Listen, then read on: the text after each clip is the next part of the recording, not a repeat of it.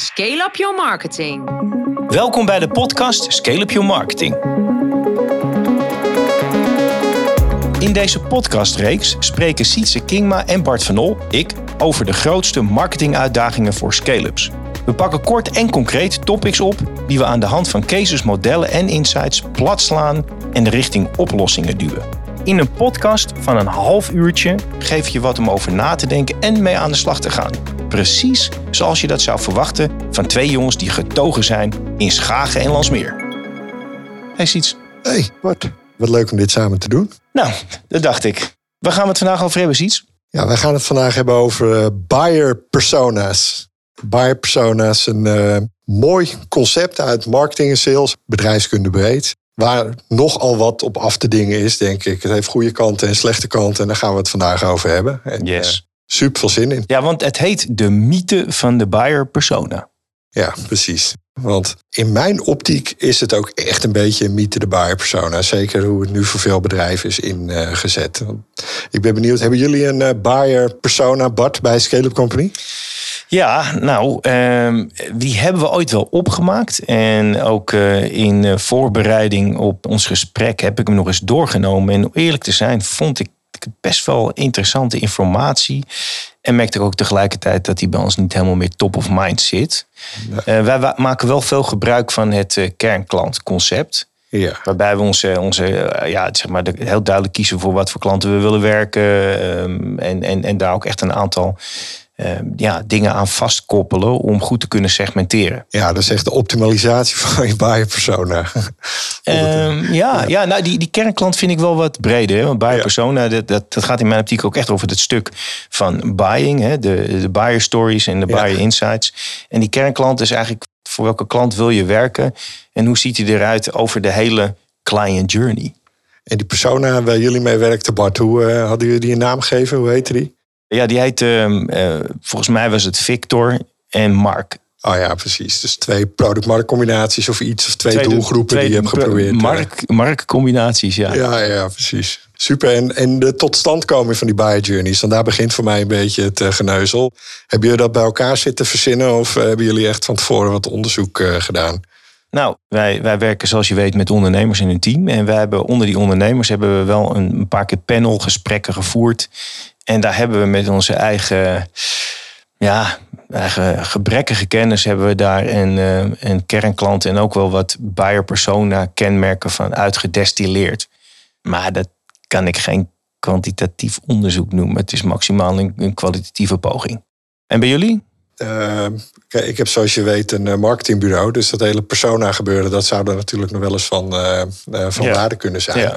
Maar wij zijn er niet mega fan van. Uh, voor onze klanten niet, voor onszelf ook niet. We hebben even, even keer... iets, als, als, je, als je nu, hoeveel, hoeveel klanten werken jullie nu ongeveer om en erbij? Nou, ik denk dat wij nu actief rond de tussen de 80 en de 90 klanten hebben. Ja, ja. En uh, op ieder moment wel. En er komen eens wat bij en er gaan er eens wat weg. Dus ik denk dat ik de afgelopen tien jaar actief bij uh, 70 tot 80 bedrijven strategisch betrokken ben geweest qua marketing. Ja. En, en, en hoe vaak kwam je daar tegen, die buyer personen? Nou, bij binnenkomst denk ik nul keer, misschien één keer of iets in die trant. Ik merk gewoon dat bij goede bedrijven, zeker ook in het uh, MKB, ook het wat grotere MKB, zeg tot 200 man of iets. Ja, daar kom ik gewoon nooit buyer personas tegen. En als ik al een soort aanzet daartoe tegenkom, dan is het vaak uh, ja, een soort met compleet verzonnen aanzetje, uh, waar ze zelf ook niet heel trots op zijn. In ieder geval niet wat boven het koffiezetapparaat hangt. Oké. Okay die buyer persona, die, die, die kom je dus niet helemaal in volle glorie tegen. Maar ook jij komt zo nu en dan het concept tegen bij bedrijven. En meestal word jij er niet vrolijk van. Klopt, en dat heeft vaak te maken met de totstandkoming. Ik kan wel een recent voorbeeldje benoemen. Uh, bij een van onze opdrachtgevers, die wij niet samen. nader te benoemen? Niet nader te benoemen, want dat zou ik flauw vinden. Maar als ze luisteren, herkennen ze zichzelf, denk ik wel. Okay. Zaten wij samen met een reclamebureau, een soort partnerbureau van ons. En zij gingen een buyer persona sessie begeleiden met die klant. Nou, dat was een uh, bouwbedrijf. En uh, nou, hoe dat dan werkt, is dat vanuit het bouwbedrijf verschillende teamleiders en dergelijke worden uitgenodigd om daarover mee te denken. Nou, dus dat begint dan s ochtends om een uur of half tien. En dan uh, worden mensen uitgenodigd om uh, lekker een kopje koffie te pakken en een uh, dagdeel te gaan blaten over hun ideeën over klantprofielen. Dus ja, ja, dan hebben we Simon. En wat vindt Simon er allemaal van? En wat vindt Simon belangrijk? En waar ligt hij wakker van? En nou, wat dan echt mijn probleem is, is dat er zonder dat er ook maar iets van tevoren onderzocht wordt, wordt er een compleet fictief verkleurplaat ingevuld met een groepje mensen die putten uit hun recente ervaringen ja, ja. met klanten. Dus het is totaal niet tot stand gekomen vanuit onderzoek of vanuit uh, onderbouwing of vanuit een gedegen fundament. Het is uh, ja, een soort gezwets, kan je, kan je wel zeggen. Zwets onder Simon. Ja, toen we het voorbereiden zat ik te denken aan een uh, soort met kleuter die een auto tekent. Dat wordt inderdaad wel een auto en je kan het wel herkennen. Maar je kan er verder eigenlijk natuurlijk niet zoveel mee. Nee. Maar goed, dus dat, het ontbreekt aan de echte buyer insights in dit geval. Dat, dat is het grootste probleem, ja. Want ook even voor, er zijn misschien ook wat luisteraars voor wie het, het concept wat minder bekend is. Kun je nog kort eens vertellen, de buyer persona, wat is het en waar komt het vandaan? Ja, ik heb dat even op moeten zoeken. Er was een man die heette Alan Cooper. En die heeft in 98, dat was een IT-man. En die heeft in 98 een eh, boek gepubliceerd over hoe je software ontwikkelt. Ja. Met de gebruiker als uh, middelpunt. Dus uh, user-centric software development. Modern. Ja, precies. Dat was, dat is 25 jaar terug, hè? Ja, uh, mind you.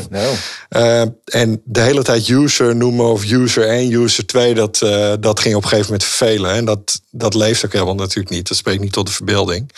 Dus hij heeft toen het begrip persona geïntroduceerd. Dus user persona. Dus ehm, degene die uh, je gaat uittekenen, waarvan je tegen een developer kan zeggen van nou, dit is degene die aan de slag moet met jouw software. Dit vindt diegene belangrijk. Dit zijn de doelen die diegene wil gaan behalen. En, uh, go, go, go. Hoe kwam hij aan die informatie dan? Van deze persoon? Ja, in dit geval heb ik niet uh, het idee gekregen dat hij er heel erg onderzoek naar deed. Uh, hij zelf. deed hetzelfde eigenlijk als die, uh, die, dus hij, die, die, bouw. dus hij dacht gewoon, ik ga een tool ontwikkelen. weet ik veel, een bonnetjes declareren tool. En ja, nou ja, goed. mijn user is Sam en hij moet bonnetjes declareren. Dus hij heeft gewoon een aantal gebruiksscenario's in kaart gebracht voor die Sam. Ehm, maar uiteindelijk ga je daar natuurlijk beslissingen op baseren. Ja, dan kan je er natuurlijk niet omheen om die Sam te gaan bellen. Nee, oké. maar goed, dus in dat, in dat stuk, eh, ik snap dat als je voorkomen iemand zelf met elkaar gaat verzinnen op basis van je gevoel of transactiedata. Ik, ik, heb wel, ik kan me herinneren dat ik in, mijn, uh, in het begin van mijn carrière nog wel eens werkte voor um, uh, uitgeverij die dan een nieuw magazine hadden geschreven. En dat was dan voor uh, Tanja, die 32 was. En die woonde dan net even iets buiten de stad. En, en deed op zaterdagmiddag altijd haar boodschappen. Maar daarvoor ging ze even sporten. En deed bij de tweede kopje koffie nog een, een extra koekje met wat meer suiker. Ik denk van, hoe, hoe kom je in die informatie? Ja, Als je natuurlijk allemaal bij elkaar ja. verzint. Het is wel leuk natuurlijk om zo iemand... Hè, dus om, om, om dat helemaal bij elkaar... Maar dat, dat is natuurlijk niet echt de echte buyer persona. Dus, dus ik vind dat voor redactieteams vind ik dan wel leuk. Hè? Want dan heb je een soort beeld van, nou, voor wie doe ik het? En uh, je, je kan toch informatie overbrengen over een soort met uh, persoon waar je naartoe schrijft. Alleen om beslissingen op te maken, slaat dat natuurlijk eigenlijk nergens op. Ja. Wat je eigenlijk zegt is, je moet het baseren op uh, goede data. Je moet je klant kennen. Je moet weten wat die klant doet, wat, wat die klant beleeft. En, en, en zo kun je natuurlijk ook die buyer-personen opbouwen. Ik, ik heb in aanloop naar uh, ook deze podcast... heb ik nog eventjes Ernst Bareman, de eigenaar-CEO van Keukenconcurrent, geïnterviewd. En die heeft hier nog wel een leuke quote over. Uh, nou, onze, onze organisatie is, uh, is heel laagdrempelig ingericht. En toen wij begonnen, toen was ik zelf altijd in onze eerste winkel, zeg maar zeven dagen per week. Toen we twee winkels hadden, toen werd dat de helft. En toen we drie winkels hadden, werd dat nog minder. En op een gegeven moment moet je goed nadenken van, goh, hoe, kan ik nou, hoe kom ik er nou achter wat die klant wil?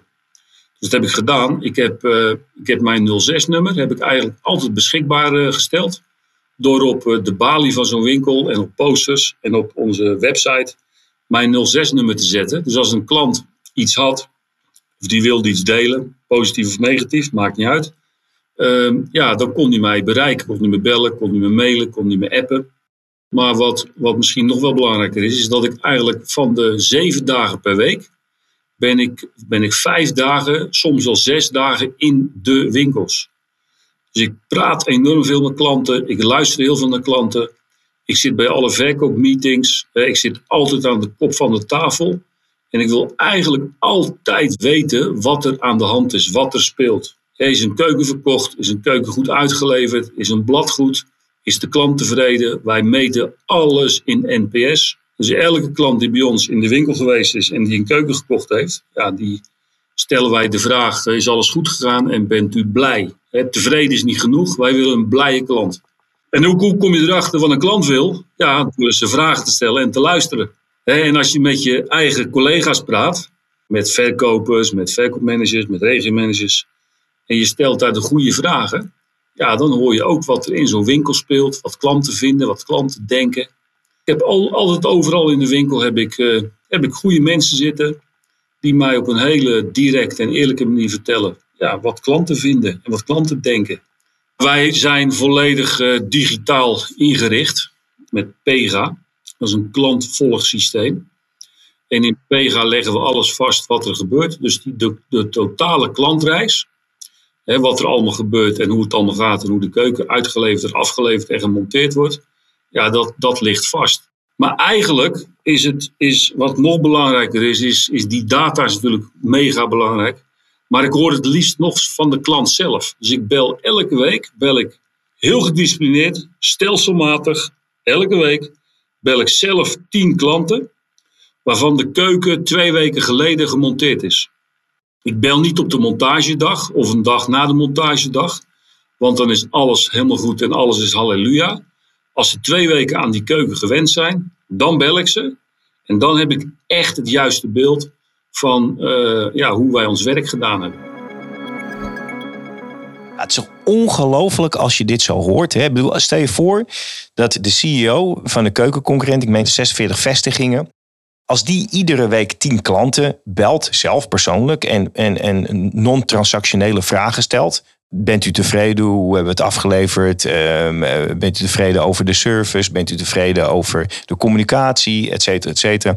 Als, als hij dat voor elkaar krijgt, dan kan toch iedere organisatie iedereen vragen elke week een paar klanten te spreken. Zoiets. Ik vind dit zo inspirerend. En wat ik er vooral inspirerend aan vind, is uh, hij doet het niet omdat hij vindt dat, dat het, uh, het is geen truc of zo. Hij vertelt ook dat hij altijd belt als de keuken er al twee weken in zit. Dus dan komen natuurlijk de eerste hand uh, los uh, waarschijnlijk. En dan bellen of iemand tevreden is en uh, of je aan zou bevelen wat je anders zou kunnen doen. Ja, ik vind het super sterk. En het geeft ook aan hoe makkelijk het eigenlijk kan zijn. Gewoon bellen zijn klanten op en vragen eens hoe, hoe, de, hoe je service bevalt, hoe je producten bevallen. Hij ziet dus dus we hebben nu ook wel twee, twee voorbeelden van, van hoe je zo'n buierpersoon vanuit eigen duim kunt eh, opbouwen. Maar je, je kunt hem natuurlijk ook wel vanuit klantdata opbouwen. Hoe, hoe ziet dat eruit? Heb je daar een, een positief voorbeeld van? Ja, zeker wel. Mijn mening is, is dat als je van tevoren start met het goed in kaart brengen van de product-marktcombinaties die je bedient. Ja. Dat je vervolgens kan zeggen, oké, wat voor klantsegmenten spelen in die product-marktcombinaties? Dat je dan zegt, nou, wie zijn kernklanten binnen die product-marktcombinaties? En wat je dan eigenlijk gaat doen, is dat je natuurlijk een soort personificatie van die kernklant wil gaan maken. Nou, ja. Dat vraagt er in mijn optiek om dat je die kernklant, dat je die echt gaat onderzoeken. Dus dat betekent in de eerste instantie gewoon field research. Ja. Dus je gaat uh, met je klanten praten. En je gaat met klanten die misschien niet geworden zijn praten over ja. met welk probleem liep jij? Ja. Uh, wat maakte dat jij in actie wilde komen? Maar het probleem is natuurlijk dat de meeste mensen marktonderzoek heel vervelend vinden. Ja. Je moet uh, mensen gaan bellen. Je moet mensen ja. om een gunst gaan vragen. Ja. Misschien willen ze je wel niet helpen. Misschien hebben ze wel hele slechte feedback op je bedrijf of op jou als persoon. Ja, dus hoe ernst doen is, is eigenlijk de meest pragmatische oplossing. En, en uh, hij, hij haakt ook voor mij heel erg aan bij hoe ik het altijd vanuit Scaling Up uh, met klanten bespreek. Hè. Die, allereerst geloof ik heel erg in dat door wel jou, degene die bij je koopt, te zien als een persoon He, dus het, uh, wat Fern Harnischelt zegt, die zegt, er is geen B2B, er is geen B2C, maar is only P2P. Want het is people to people, people buy, buy from people. Dus, he, dus, die, dus je wil weten aan wie verkoop ik nou eigenlijk? En daar, daar wil je een helder beeld, een helder plaat van eh, eh, maken. Maar je kunt die mensen, en, en daar ben ik altijd zelf verrast door. En daarom vond ik het ook zo leuk om dat van Ernst te horen. Ik ben altijd zo verrast door hoe weinig van de partijen. En, en nou ja, wij, wij, wij werken uh, ieder jaar eigenlijk met, met een paar honderd scale-ups. Hoe weinig van die partijen die klant interviewen. En als ik dan de vraag stel van joh, eh, hebben jullie klantcontact? Ze zeggen, nog een aantal jaar, maar dan bedoelen ze eigenlijk mee dat ze iets verkopen of dat het transactioneel is. Ja, precies. De sales- of klantservice-achtige contacten. Maar echt gewoon aan die klant vragen: ehm, wat heb je eh, gekocht? Waar, waar, tussen welke alternatieven heb je, weet ik veel, waar, waar, heb je tussen gekozen? Waarom heb je deze keer niet bij ons gekocht? Voor, wat, wat vond je de interessante features of de interessante, uh, wat waren je, je, je redenen om te kopen in dit product? Dat zie je eigenlijk heel erg weinig terug. Ja, en veel managementteams denken dat ze het natuurlijk weten, hè, wat klanten drijft. Dat ze dat gewoon weten. We hebben heel veel klantcontacten, dus waarom moeten we dat nog extra vragen aan die klant? En waar ze dan natuurlijk vaak aan voorbij gaan, is dat je ook uh, heel veel potentiële klanten hebt die niet bij jou kopen. Die er ook hele goede redenen voor hebben. Ja. En met het kernklantenconcept dat je eerder noemde, haak je daar natuurlijk wel op aan. Hè? Want dan ga je ook kijken naar bedrijven die niet bij jou zaken doen of consumenten. Ja. wat vinden die dan belangrijk? Dus, dus eigenlijk zijn we het er wel over eens dat zo'n buyer persona, als je hem echt warm houdt en je zorgt dat je steeds nieuwe klantdata verzamelt, dat hij nog redelijk kan werken. Maar ja, jij, volgens mij als marketeer zijn er ook heel veel nieuwe mogelijkheden. Hoe, hoe, hoe, kijk je daarnaar? Hè? Want de, de buierpersoon, en dit verhaal is natuurlijk een beetje ook, nou ja, misschien is het wat gedateerd. Wat, wat, wat, wat is er allemaal nog meer mogelijk? Ja, dat is interessant dat je het zegt, ja. Want het eerste concept waar we het over hadden is inderdaad 25 jaar eh, geleden dat dat eens een keer ontwikkeld is. En uh, toen had je natuurlijk qua data meebreidt en dat soort zaken. Helemaal niet zoveel opties om, eh, om dingen in beeld te brengen. Maar nu, al kijk je naar hoe wij dat uh, binnen ons marketingbureau doen, is dat wij veel meer werken op basis van experimenten. Je kan natuurlijk ook een soort advertentieset uh, laten zien aan een hele groep mensen tussen de 30 en de 60 jaar. En gewoon kijken wie het beste respondeert op jouw advertentie. Uh, en dat kan dan in leeftijden zitten, maar het kan ook zitten in waar is iemand woonachtig of wat voor interesse heeft eh, iemand. Ja, op basis daarvan kan je op basis uh, kan je met data vrij snel een goed beeld krijgen van de mensen die het beste gaan op wat jij te verkopen hebt. Uh, nu is het zelf zo dat tools zoals Google uh, je het steeds moeilijker maken om daar zelf mee aan de slag te gaan. Of aan de andere kant het steeds meer werk bij jou uit handen nemen. Want wat je nu bijvoorbeeld ziet is dat uh, Google hoef je alleen maar te vertellen wat je website is. En die bepaalt zelf op welke keywords je gevonden wordt. Ja. Uh, wat voor advertenties er dus vertoond worden. die neemt eigenlijk jouw rol over. Dus je bent nog een, nog een paar jaar en dan... Uh... Ja, wij zijn denk ik binnen twee of drie jaar out of business. Dus eigenlijk, hè, Google kan je al steeds veel meer erover vertellen. Maar je hebt natuurlijk heel veel meer. Je hebt natuurlijk heel veel targeting. En is, is bedoel, is eventjes voor een, voor een, voor mij als leek, is dat de targeting, is dat eenvoudig voor ook kleinere clubs. Eh, tussen met, met, met minder dan 200 medewerkers en, en, en geen grote marketingafdeling. Ja, als je kijkt naar de mogelijkheden is dat best wel bizar. Want ik denk dat uh, eh, 99% van jullie klanten uh, zou Google Analytics hebben draaien op dit moment. En Google Analytics wordt gewoon maar voor een heel klein gedeelte gebruikt door de meeste ondernemers. Zelfs als er marketeer zitten, wordt het uh, vaak maar voor een klein stukje gebruikt. Maar je bent gewoon in staat om individuen bijvoorbeeld te volgen, hè, die op je website komen. Via welke bron kwamen die? Uh, waarop hebben die zich georiënteerd? Wat hebben die volgens op je website gedaan? Wat hebben ze ingetikt in de zoekbox op je website zelf bijvoorbeeld? Uh, zo kan je alleen in Analytics al best wel een beeld krijgen van wat mensen doen die op jouw website komen. Bijvoorbeeld demografische gegevens en dat soort zaken. Eh, waarmee ik alleen maar wil zeggen, je hoeft niet per se te starten met het inhuren van een marktonderzoeksbureau dat 10.000 eh, euro aan jou gaat factureren om al je klanten te bellen. Eh, de meeste MKB-ondernemers zitten gewoon op een bak aan data die ze al kunnen gebruiken om die targeting scherper te stellen. Oké. Okay. Stel voor, ik zou ehm, ik heb mijn buyer persona heb ik goed opgesteld. Ik heb voldoende klantdata verzameld om een beetje een basis te hebben in interne taal. Hè? Want dat is toch vaak een beetje die buyer persona is toch je interne taal om met productontwikkeling, marketing en sales allemaal in ieder geval naar, naar een beetje dezelfde personen te kijken. Ja. En dan wil ik aan de slag gaan met dat slimmer targeten en dergelijke. Hoeveel tijd heb ik nodig om, om vanaf daar echt een beetje te snappen wat je online moet doen, maar ook gewoon die klantvalidaties beter te kunnen doen? Ja, wat, wat mij zelf de ideale route lijkt, is dat je eerst een hele goede doelgroepbepaling hebt gedaan. Met hele goede segmentatie. En dat je dan uiteindelijk op een persoon uitkomt. Ja. Dus dan heb je feitelijk al de oefening gedaan om uh, je targeting en je segmentatiemogelijkheden op orde te brengen. Ja. Maar ook anders uh, kan je natuurlijk gewoon starten met een product-markt combinatie of met een value proposition of hoe je dat ook wil definiëren. En daar maak je een, eh, bijvoorbeeld een landingpage van. En dan ga je gewoon beginnen met dat in eh, social media en in Google uitzetten. En dan ga je kijken waar hapt, waar hapt mijn potentiële doelgroep op. En wat voor haakjes uh, wordt, wordt iemand enthousiast van. En hoe krijgen we uiteindelijk iemand aan boord.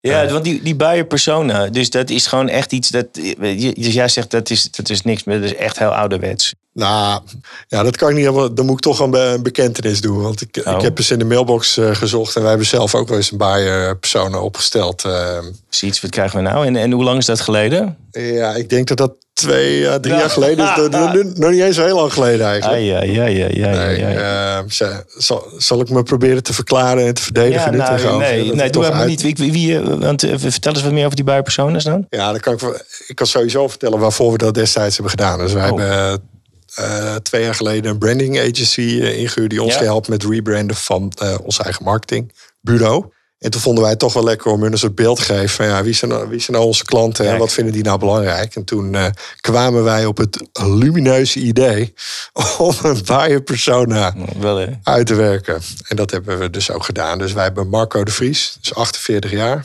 Marco de Vries, duidelijk dat jullie in, Noord-Holland zitten met je club, hè? Ja, Bert is de andere, dus het is toch een beetje een boeren, ja, boerenpersona. Het is boerenpersona, het is niet echt heel inclusief. Nee, een beetje Noord-Hollands Ik vind het ook niet, ik vind het niet heel woke, maar goed. Het is niet heel woke, inderdaad. Maar dat heeft ons uh, destijds in ieder geval wel goed geholpen om ons brandingbureau eh, bekend te maken met onze klanten. Dus voor dat soort dingen vind ik het, uh, vind ik het natuurlijk wel een goede, goede tool. Dus oké. Okay. Oké, okay, Hey, en als we hem nou even kort samenvatten. Dus um, zou je kunnen zeggen, buyer persona uh, als echt om uh, gericht te verkopen op grote schaal. Nou, misschien niet heel erg bruikbaar meer. Wel een goed intern document misschien aangevuld. Zeker met actuele klantdata om iets te snappen van die klant. Zeker ook misschien in de momenten voordat die ergens online is waar je kunt meten. En ook misschien als iets niet koopt of, of daarna. Hè. Dus dat je. Maar eigenlijk online, om het echt te targeten, uh, is, is er natuurlijk op dit moment. Zijn er, zijn er veel meer mogelijkheden die je eigenlijk zou willen en moeten willen gebruiken. Die zegt die combinatie is sterk. Ja, precies. Dus voor marketing, targeting zou ik het niet inzetten. Vind ik het, uh, vind ik het geen goede tool. Maar als je het goed gefundeerd uitwerkt uh, en daarna breed in je organisatie en de buiten andere stakeholders die ermee aan de slag moeten communiceert. Uh, denk dat het een goede tool is om mensen bekend te maken met over wie hebben wij het en tegen wie hebben we het en wat vinden die belangrijk. En voor de partijen die toch stiekem wat willen met dat uh, buyer persona concept. Nou, je zou ze wat kunnen lezen van Bob Bloem, die heeft die Inside Advantage uh, geschreven. Of uh, Adele Revella, die heeft een, boek geschreven over dat, de buyer persona. Die heeft ook de Buyer Persona Institute. Ja. Zeker voor de wat meer complexe business-to-business uh, trajecten, waarin je vooral veel personal sales hebt en wat minder in staat bent om te tracken en online zit, denk ik dat je daar toch nog wel wat voor, voordeel uit kunt halen. Dus voor dat soort trajecten denk ik dat het nog wel een handige takeaway is. Ja, en ik zelf ben ook altijd wel fan. Ik weet niet of jij daar nog wel eens mee werkt, iets van toch wel de, de, eigenlijk de modellen van Alexander Osterwalder. Uh, value proposition design. Um, toch ook wel uh, gewoon zijn eh, canvas model. En, en met name om, om die pains en gains en, en toch die, die jobs in, in kaart te brengen en, en, en ze ook te clusteren. Ja, en uh, als je dat invult, zelfs al doe je dat zonder heel diepgravend onderzoek, ga je toch nadenken over beantwoord ik wel de pijnpunten waarvan ik weet dat die leven bij mijn klanten. Zit er iets in mijn propositie waarbij ik daaraan tegemoet kom? Ja, dat is mega interessant om over te sparren samen. Ja. Goeie tip nog. Sietse, dankjewel. Geen dank, jij ook bedankt Bart. Was mooi. En tot de volgende. Yes. Ja, de volgende aflevering gaan we het hebben over een echt momenteel zeer groot marketingprobleem. Namelijk employer branding. Ziets? Ja, employer branding is iets dat uh, lijkt op gewone branding. Alleen dan heb je wat anders te vermarkten. Namelijk je, jezelf als werkgever. Super groot marketingprobleem. Bij veel van onze klanten nog een groter probleem dan het vermarkten van hun producten en diensten. En uh, daar gaan we volgende keer helemaal op onderdompelen. Kijk er nu al naar uit. Mooi, kan niet wachten. Vergeet niet je te abonneren. Dat kan via de Spotify-app of via Apple Podcast. Of een van al die andere programma's. Dankjewel Bart. Dankjewel Ziet. Tot de volgende keer. Joep.